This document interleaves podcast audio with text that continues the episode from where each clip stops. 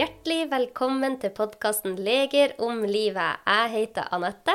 Og jeg heter Ida, og vi er begge leger, og vi ønsker å gjøre forskningsbasert og nyttig kunnskap lett tilgjengelig for alle. Det gjør vi. Og i dag så skal vi snakke om endorfiner. Ja, det skal vi, og dette er jo et stoff som gir oss denne godfølelsen. Så Ja. det påvirker oss veldig positivt. Men før vi går inn på temaet, Anette, hvordan har uken din vært? Uka mi har vært veldig fin. Det er jo vår i lufta, og det er så deilig å kjenne på sola. Altså bare kjenne at den begynner å varme.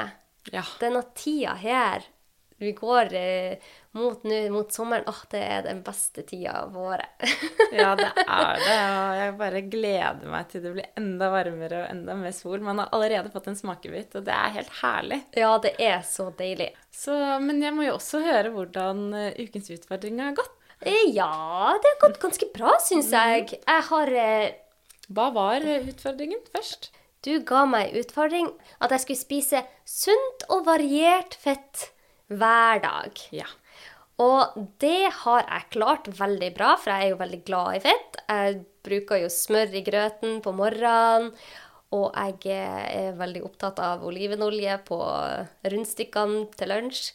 Så det har gått veldig fint, men jeg skulle jo prøve å bruke fett som jeg ikke bruker til vanlig. Så hva har jeg tilføyd? Ja, tilført, jeg har tilført eh, ekstra valnøtter. Ja, ja men det er eh, Nøttefett er bra. ja. Og så har jeg eh, Litt fisk har du kanskje fått i deg? Ja, jeg har spist eh, laks. Mm, det har jeg gjort. Ja, ja. Så det har vært eh, nok, nok fett. Men, Så bra. så det var en bra eh, utfordring, dag. Ja, så bra. Så du fortsetter vel med, med å få i deg litt fett hver dag, du? Ja, det gjør jeg absolutt. Ja. Og det å huske å ta tran hver dag, det Ja. er jo aldri feil. Nei, virkelig ikke. Det er så sant. Men nå tenker jeg kanskje vi bare skal sette over til intervjuet. Ja, jeg gleder meg til å høre. I dag har jeg vært så heldig å få intervjue Aili Kristina Hannisdal. Aili er lege og musiker.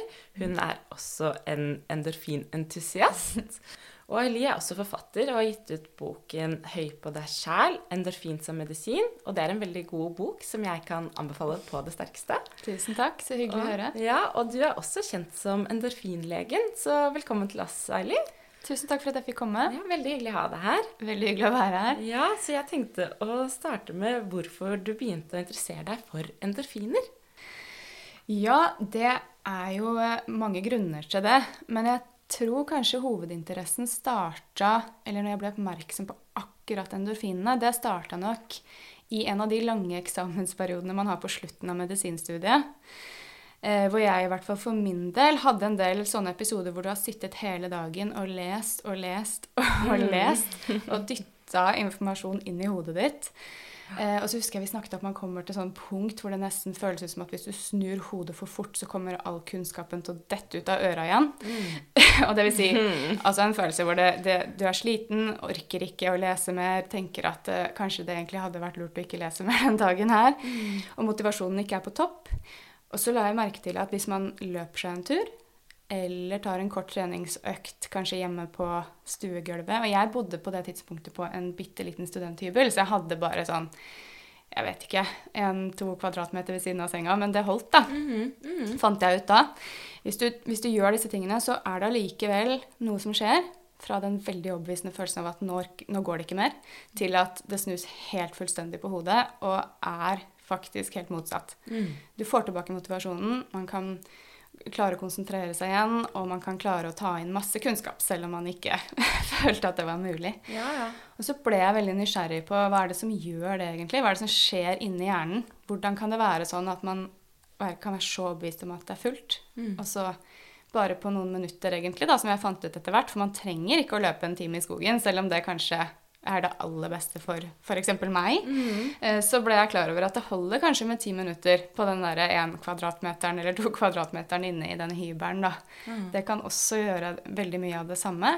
Eller bare det å faktisk ta et kvarters kaffepause med en venninne, eller ringe noen, eller gjøre et eller annet som gir hjernen pause, og som på en måte endrer følelsen. Mm, ja, Det sant? funker. Ja, men det er så spennende. Og kan du gå litt mer inn på da hva egentlig endorfiner er? ja, det kan jeg gjøre. For det, vi hadde jo på det tidspunktet også veldig mange spennende forelesninger om, eh, om holdt på å si signalstoffer i hjernen, da, som endorfiner er. Eh, Det heter nevrotransmitter, som du selvfølgelig vet veldig godt. Men endorfine er en sånn nevrotransmitter, og det er et signalstoff som produseres i hjernen i gitte eller bestemte situasjoner. Og så fins det jo hundrevis av sånne nevrotransmittere, og de fleste vet vi egentlig ikke så mye om fortsatt, selv med moderne forskning og masse studier. Mm. Men endorfin er et av de stoffene som vi faktisk vet en del om, og som sammen med en rekke andre signalstoffer henger sammen med, eller ser ut til å assosieres med positive følelser, Mm. som f.eks. motivasjon, som assosieres med signalstoffet dopamin, eller selvtillit, som henger sammen med serotonin. Og så har vi oksytocin, som henger sammen med følelsen av nærhet og empati. Og så har du eh, f.eks. de situasjonene hvor du blir veldig engasjert, eller hvor du skal komme deg kjapt ut av en skummel situasjon, altså fare eller smerte, og unngå det.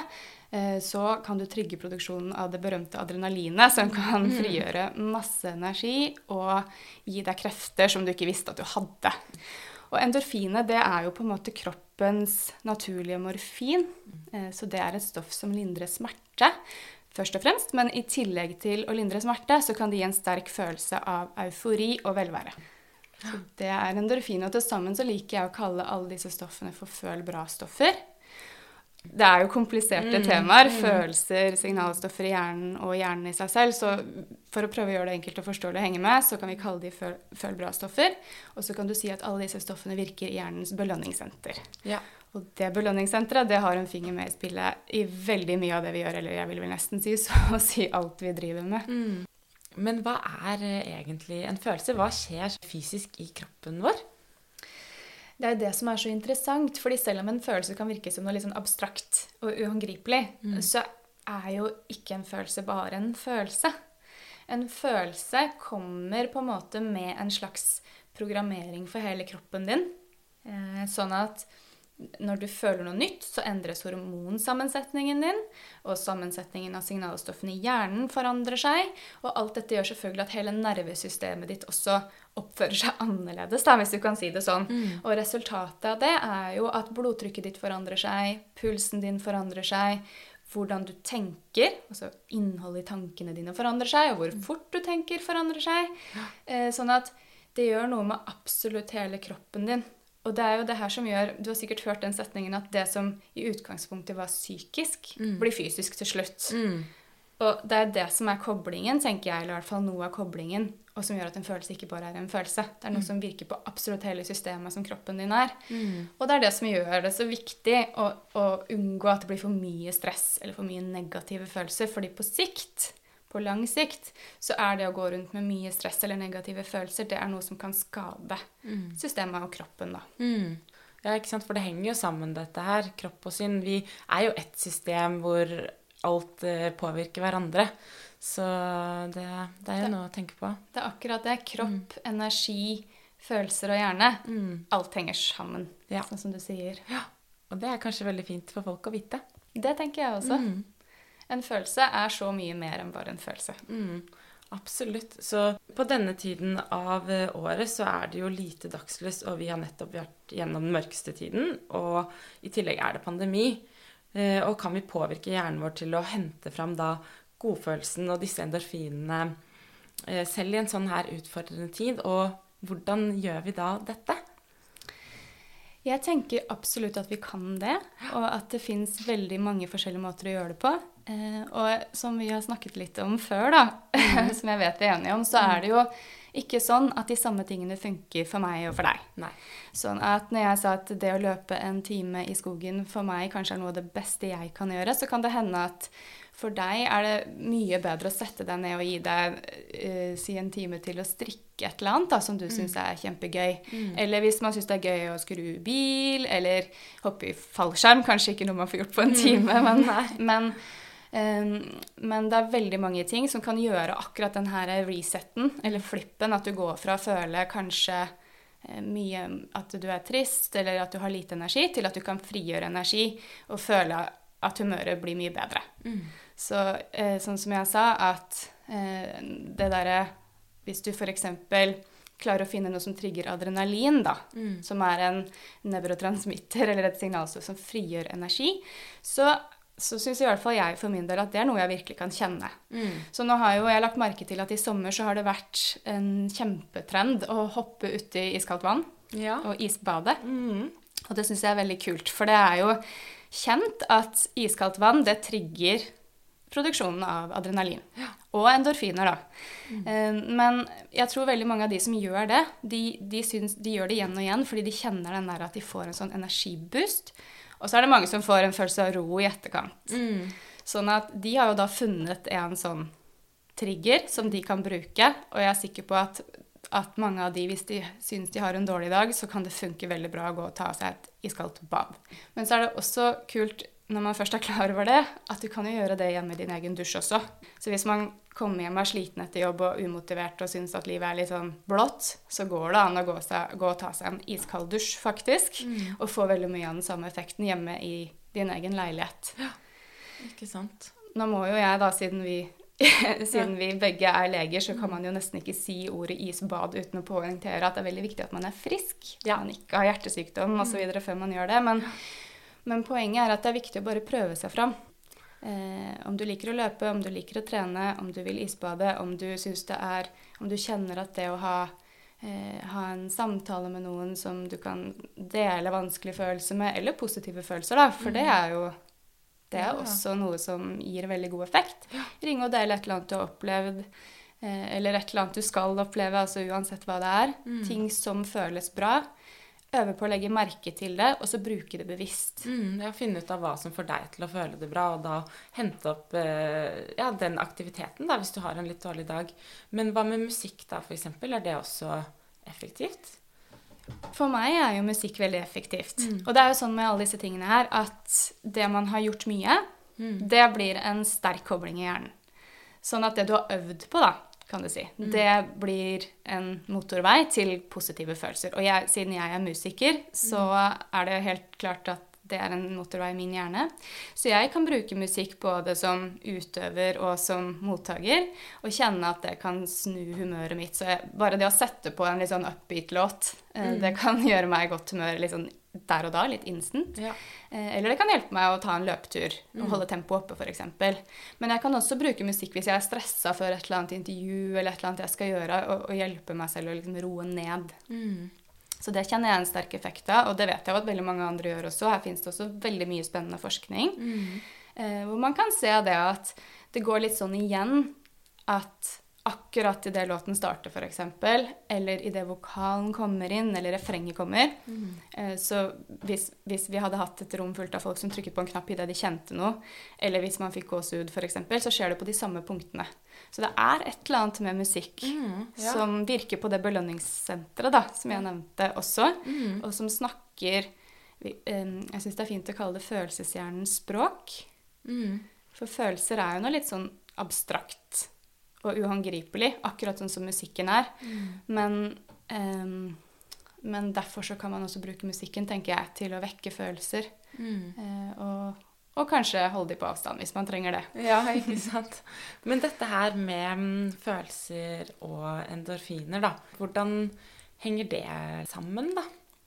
Ja, da er vi jo inne i det her kjempespennende, komplekse bildet av signalstoffer i hjernen og følelser. Eh, men hvis vi skal forenkle det litt, eh, så, så kan vi tegne opp et bilde. Hvis du ser for deg en følelse som en slags kjemisk cocktail som hjernen din bader i, som er full av signalstoffer, sånn som vi snakka om nå, og alle disse hundrevis av signalstoffene, da, eh, så kan man si veldig forenklet at du kan ikke føle noe eller gjøre noe, eller f.eks. høre på musikk, eller jeg kan ikke se på deg og smile nå til deg uten at den cocktailen eller sammensetningen av de signalstoffene endrer seg bitte lite grann.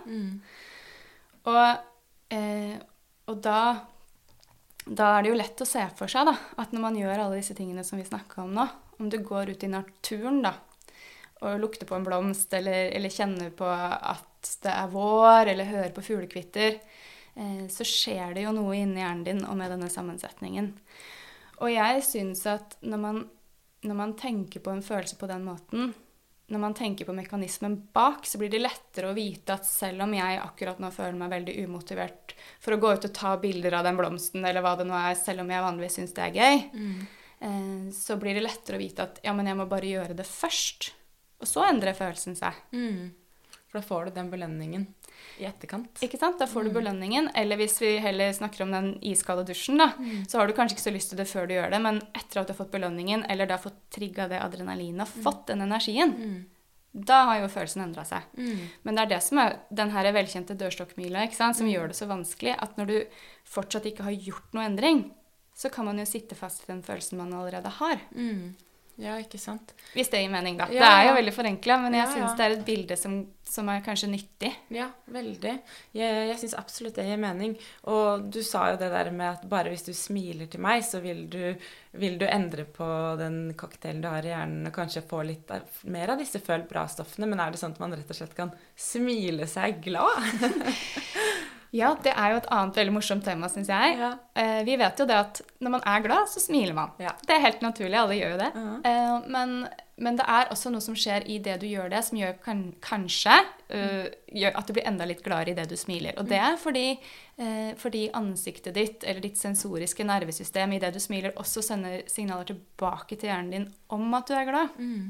Sånn at eh, du kan på en måte smile for å gi beskjed til hjernen om at du er glad også. Ja. Og selv om det kanskje ikke føles ut på den samme måten hvis du ikke er glad i utgangspunktet, så er det noe som kan brukes. Eh, og, og det er jo mange som sier og kjenner på at de har glede av det. Det er vel derfor det finnes noe som heter latteryoga, f.eks., uten at jeg har prøvd det selv. Så tenker jeg at hvis man kjenner at noe funker, hvis man syns noe funker, så er det bare å bruke det og utforske det mer. Og jo mer man øver, jo bedre blir man. Igjen, jo mer motorveier eller jo sterkere koblinger danner man i hjernen. Ja, ikke sant. Nettopp. Så man må jo bare prøve seg fram og finne ut av hva som funker for seg.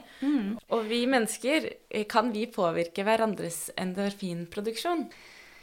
Hvis vi eh, holder oss til det å kalle endorfinproduksjon for føl bra-stoffer, da, eh, sånn som jeg liker å gjøre, for, for å liksom holde alle disse stoffene inn i én, holdt på å si, eh, pakke, da, eh, så tenker jeg at vi påvirker hverandre i aller høyeste grad. Vi vet jo det at gode, trygge relasjoner er den viktigste enkeltfaktoren når det kommer til det å kjenne på mening og lykke. Eh, og så vet vi også at det handler på et eller annet vis om dette at vi, vi, vi kan være ganske gode til å regulere følelsene våre og regulere en følelse av stress selv, men i det øyeblikket vi deler vanskelige ting eller positive ting med en annen person, eh, så skjer det noe med deg som gjør at du, hvis det er snakk om stress, da, at du reduserer det stresset bedre sammen med noen. Vi er jo flokkdyr, vi også. Vi har en sosial hjerne som er i stand til å koble seg på hverandre i aller høyeste grad. Så sosial kontakt mellom vesener, eller mellom oss nå, da, det kan måles. Hvis vi hadde hatt på oss en pulsmåler og blodtrykksmåler og, eh, og kunnet måle den sammensetningen i den cocktailen akkurat nå mens vi prata, så ville man hele tiden sett at det skjer ting. Men det er klart at når det er noen du kjenner veldig godt, så skjer det enda mer. Sånn at eh, det er derfor man kan kjenne på den gode, varme følelsen bare å snakke med noen du kjenner på telefon, hvis det er et eller annet som er vanskelig. At du kan kjenne at du roer deg ned. Eller du kan kjenne på en enda større glede hvis det er et eller annet du er glad for, og du ringer og deler det, så kan man kjenne at den følelsen liksom skyter helt i taket. Ja. Ikke sant? Ja, ja, Du kan kjenne det igjen. Ja, ja. Eh, og det tror jeg handler om det at vi har den sosiale hjernen som er i stand til å koble seg på hverandre. Ikke bare sånn som andre sosialdyr kan med, med lyder og lukt eller berøring, men vi kan også bruke ord. Og det er jo spesielt for oss. Men det gjør at du bare må sende en tekstmelding til en du kjenner godt, så kan du øke blodtrykket eller pulsen til den personen. da. Mm, ikke sant. Ikke sant. Ja, det er så eh, fascinerende, det der. Og, men hvordan er det da med kjæledyr? Påvirker det oss også på denne måten, eller? Jeg syns det er kjempespennende med, med kjæledyr. Og vi bruker jo også dyrene nå i terapi. Og det er jo fordi at dyrene er i stand til å gjøre noe i terapirommet som vi kanskje ikke får til alltid uten de dyrene. Så særlig hester og hunder blir jo brukt mye i terapi. Dyreassistert terapi, som det heter. Um, og det, det er jo et eller annet i den kontakten som noen ganger når ordene kanskje ikke strekker til, så er det lett, lettere å koble seg på det dyret som bare liksom er der. Eh, om det er blikkontakten, eller om det er berøringen, eller hva det er for noe, så er det helt klart at kjæledyrene våre gjør noe med oss. Og jeg tror også vi gjør noe med dem. Det er ikke noe vanskelig når man ser for seg den hunden når man kommer hjem etter Ja. en lang arbeidsdag. Ja. Så ser i hvert fall jeg for meg at jeg har jo en hund selv, da. At, at inni hjernen hennes når jeg kommer hjem, så, så er det liksom sånn fargesprakende fyrverkeri inni hjernen Ja. hennes, tenker jeg. Og liksom kosehormon og alle føler bra-stoffene bare tar helt av. Mm. Eh, men det skjer jo noe i meg òg. For hun, er jo, hun sprer jo så mye glede og lykke. Og når jeg går tur, så ser jeg jo også det var liksom det blide lille vesenet. da, At folk smiler jo når man går forbi. Eh, men jeg syns særlig det er spennende når man har det vanskelig, at man bruker dyr til terapi. Det sier noe om hvor viktig det er at man kan Jeg tror det handler mye om det med stress. Mm. At man roer seg ned. Og man får liksom hjelp til det av det andre vesenet på et eller annet vis, sånn at man samler seg sammen igjen. Og så kan man, når man har fått til det, så er det lettere å jobbe med, med det som er underliggende, da. Mm. Ja, ikke sant. Det har du nok eh, rett i. Men eh, hvordan er det med da endorfinproduksjon? Er det en ferskvare, eller kan man ha litt sånn langtidseffekter av det? Eh, her skal jeg være Jeg skal ikke være noe veldig sånn absolutt i uttalelsen min, tror jeg. Men det jeg i hvert fall kan si, er at de har en kortvarig effekt. Mm. Det, er, det er en forbigående effekt av alle disse føl bra-stoffene. Eh, Det er jo noe av forskjellen på de og de syntetiske rusmidlene, da. Du kan si at siden endorfin er et smertelindrende stoff, så er det jo viktig fra naturens side at ikke du går rundt og ikke kjenner når du gjør et eller annet som skulle gjort vondt. Nei. Altså, Vi har jo smertefølelse av en grunn. Mm. Det er jo egentlig kroppen din som sier ifra om at det er et eller annet som kan være farlig, og kanskje lurt at du slutter med det. sånn at hvis du brenner deg på en plate, så er det kjempefint at du tar den hånda fort bort fra den plata. ikke sant? Ja, ja. Og derfor så er det også veldig viktig at ikke du går rundt og, og um, på en måte har for langvarig effekt da, av endorfin. Eller, eller stoffene. Mm. Så, så det er i hvert fall det jeg kan si, at de, de varer kortere, og det er det en grunn til. Eh, men, men det betyr ikke at man ikke kan ha Altså Man kjenner jo veldig tydelig den gode effekten av de stoffene når de, når de følg bra-stoffene virker i hjernen din. Så, så er det helt tydelig at det er en positiv ting. Absolutt. Men, eh, men eh, jeg tenker litt sånn der det, eh, Nå har vi jo vært inne på litt hva man kan gjøre liksom, fysisk av eh, tiltak for å endre eller få den, satt i gang den endorfinproduksjonen. Men er det noe man kan gjøre sånn med tankene sine? Kan man på en måte tenke seg fram til å få mer endorfiner? Jeg liker jo å si at man, man kan bruke kroppen og tankene sine, Ja. eh, akkurat som du sier, da, til å endre hvordan man føler seg.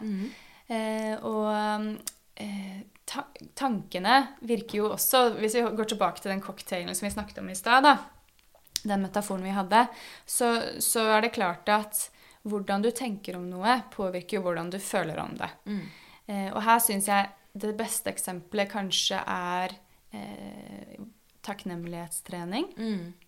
Eh, fordi det er veldig fort gjort å gå rundt og hele tiden legge merke til de tingene man ikke har. Og det henger jo også litt sammen med hva som er viktig for hjernen din, på en måte. Og da mener jeg at altså, hjernen er jo ikke lagd for å gjøre deg lykkelig. Hjernen din er lagd for å holde deg i live. Og en hjerne som er i stand til å oppdage farer eller ting du mangler, eh, er bedre til å holde deg i live enn en som ikke gjør det. Ja. Sånn at det er jo også litt forenkla, så klart, men, men det forklarer kanskje noe av grunnen til at vi er veldig gode ofte til å finne de tingene vi ikke har i livet. Men nettopp derfor så kan det være så virkningsfullt å øve seg på akkurat det motsatte. For idet du gjør det, så kan du gå fra å ha en følelse av, altså, eller en følelseskjemi da, eh, basert på å legge merke til og kjenne på følelsen av alt du ikke har, men som du kanskje til og med syns du fortjener, da, når man ikke tenker så mye over det, til å transformere den følelsen til en, en følelse av å få mer enn du fortjener. Det er jo selvfølgelig da effekten av å ha trent litt på det, men i generelle termer så kan du si at det er det du gjør. Ja. Eh, og, og det er jo egentlig ganske enkelt også. Det betyr ikke at det er fort gjort, man må kanskje øve litt på det over tid, men igjen, jo mer du øver på noe, jo, jo mer forsterker du de koblingene i hjernen din, og jo lettere blir det å legge merke til de tingene i livet ditt som er bra, eh, bra for deg, som du er glad for, menneskene i livet ditt som tilfører livet ditt noe positivt. Og det, det syns jeg er så kult, fordi du får ikke lykkefølelse av alle de tingene du ikke legger merke til. Nei. Altså Uansett hvor bra det er, hvis du ikke legger merke til det, hvis du ikke har fokus på de fine tingene i livet ditt, så kommer du ikke til å føle glede av det heller. Nei, ikke sant. Man er nødt til å fokusere på det. Ja, så det handler mye om bevisstgjøring her også. Og, men hva gjør du selv da for å få gode endorfiner? Du var jo inne på dette med fysisk aktivitet og musikk. Er det noen andre tips eller noe annet du pleier å gå til? Du, jeg har ganske mange ting jeg gjør, og jeg også leter jo fortsatt selv, for jeg syns at det er morsomt når man finner litt sånn nye knapper, da, som jeg liker å kalle det. Og jeg tok sertifikat seint selv, så det var jo én sånn ting. Jeg hadde ingen anelse om at jeg kom til å like å kjøre bil, og jeg syns egentlig det første halve året kanskje når jeg hadde sertifikat, at det var superstress å skulle kjøre bil, og grua meg kjempemye, særlig hvis det regna og sånn, så husker jeg liksom at hvis jeg skulle kjøre en halvtime, så var det bare sånn åh, gud, det høres jo kjempeskummelt ut. Men, men etter hvert som jeg fikk kjørt en del, altså i turnusen så kjørte jeg veldig, veldig mye bil.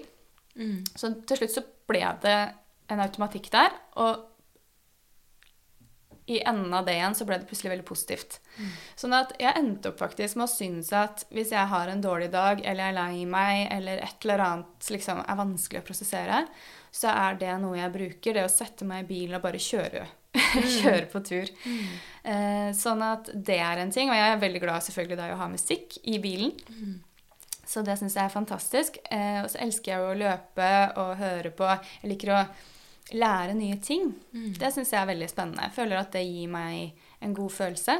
Så det å løpe og høre på podkast eller, eller høre på en lydbok, det syns jeg er fantastisk. Og så er det selvfølgelig dette her med å koble seg på andre, da. Ja. Eh, det å snakke med en god venn, dele positive og negative ting, det, det er liksom en go to, føl bra for min del. Mm, ja. Den eh, effekten der eh, kjenner jeg også på. Den er veldig god. Um, men er det da Nå har vi vært litt inne på hvordan vi kan snu humøret på en litt uh, dårlig dag, og, litt, og en del konkrete råd. Men er det, no, er det noen andre konkrete ting man kan gjøre? Både sånn, litt sånn langtidseffekt eller versus da en korttidseffekt, da. Um, jeg tenker jo det at man bare må prøve seg fram, da. Ja. Og ofte så Det er veldig mange ting vi gjør uten at vi er så oppmerksomme eller bevisste, kanskje. Så jeg tror at Jeg har liksom tro på at kombinasjonen av å prøve å legge merke til de tingene som ødelegger mest for deg Vi har alle en eller annen sånn ting som kanskje stjeler mer energi enn det det gir. Om det er mobilbruk eller sosiale medier, eller om det er et eller annet helt annet, så tror jeg at det å jobbe med de tingene som på en måte koster mest først, det er veldig lurt. For det vil gi deg en stor forandring på ganske kort tid, eller det kan i hvert fall gjøre det. Og hvis man da også er flink til å kjenne etter litt på samme måte, da, for det handler jo om det som du sier med bevisstgjøring. Legg merke til det som koster deg noe, og legg merke til det som gir deg noe. Fordi det er sannsynligvis en del ting du allerede gjør, som, som du kjenner at er veldig bra. Og når man blir oppmerksom på det, så kan man bruke det mer. Og så er det kanskje det, og, og særlig nå i den tiden vi er i nå med lockdown og, og, og mye frustrasjon, at, eh, at man har veldig mye begrensninger, så tenker jeg at det å prøve å bruke den tiden til å se om man kan finne noen nye knapper, se om man kan finne noen nye ting som man liker å gjøre, det, det tenker jeg er veldig klok bruk av den tiden. Mm, ja, det er sant. Godt tips. Et siste spørsmål før vi runder av, er eh, hvor mye skal til for å få i gang endorfinproduksjonen? Du, det er jo veldig individuelt, som med alt annet, egentlig. Eh, og jeg syns det er holdt på å si forskjell fra dag til dag for min egen del også. Men det som kanskje er det, den viktigste take home her, er kanskje at det ofte skal overraskende lite til, Ja. syns jeg. Og, og den derre veldig overbevisende følelsen man kan ha typisk hvis man er umotivert, eller liksom ikke tror at humøret kan bli noe særlig bedre den dagen. Det viktigste er kanskje bare å gjøre noe, fordi du kan alltid gjøre noe. Og det som er interessant, er at ofte hvis man bare tenker at jeg skal bare gjøre en sånn bitte liten ting, si det er to minutter, jeg skal bare gjøre et eller annet bitte lite nå, så kan det være nok til å få den derre føl bra-ballen til å rulle, hvis vi kan kalle det det. Og da blir det plutselig mye lettere å komme seg videre. Ja. Sånn at um, hvor mye som skal til. Jeg tror ofte det er veldig lurt å bare tenke smått. Det skal ganske lite til. Og når du først har fått ballen til å rulle, så plutselig så er du motivert for, for mye mer etterpå. Ja, ikke sant. Nei, men det, det skal jeg begynne å tenke på. Sånn, hvis jeg har en litt dårlig dag, så bare ta to minutter med noe spenst opp nå, eller to minutter med yndlingssangen min, eller et eller annet, da. Ja. Så, så forhåpentligvis så vil det snu litt. Ja, og kanskje funker det ikke hver gang, men gjør det, gjør det igjen. Finn, finn Ja. de knappene som funker. Prøv deg frem, så er jeg helt sikker på at det, da finner du noen favoritter etter hvert. Mm, jeg skal prøve meg fram. Og ja, men tusen takk for at du tok deg tid til å komme hit og dele veldig spennende kunnskap. Og, Tusen takk for at jeg fikk komme. Og så er det for de som ønsker å følge deg, så finner de deg under Endorfinlegen på Instagram og Facebook. Ja. Og i tillegg så finner man vel din bok eh, på alle bokhandler i Ja, det landet? tror jeg. Da- Der den er igjen, i hvert fall. Men i hvert fall på ark.no vet jeg at det går Ja. an å få tak i den fortsatt. Ja, Mm. så bra. Så da finnes den på nett eller i butikk. Yes. Så takk for, eh, takk for veldig hyggelig prat. Takk for meg, og i like måte.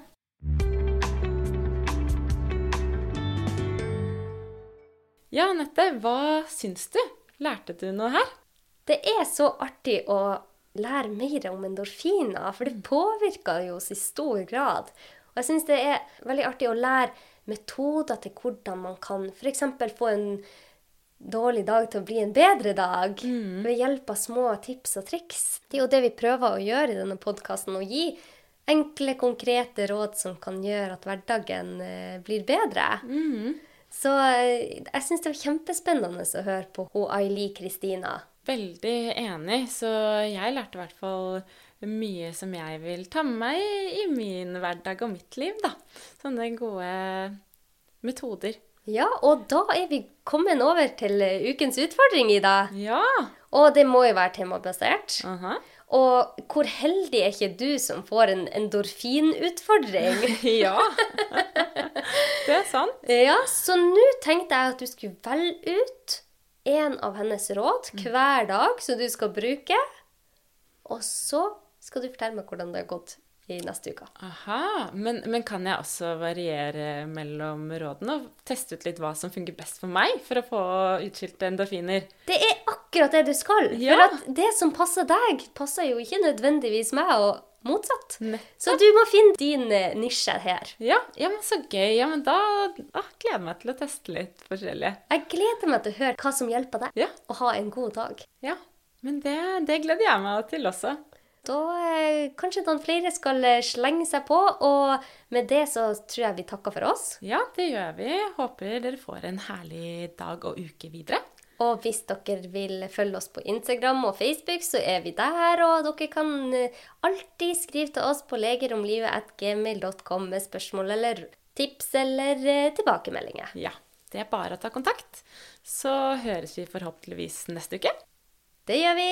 Ha det bra! Ha det!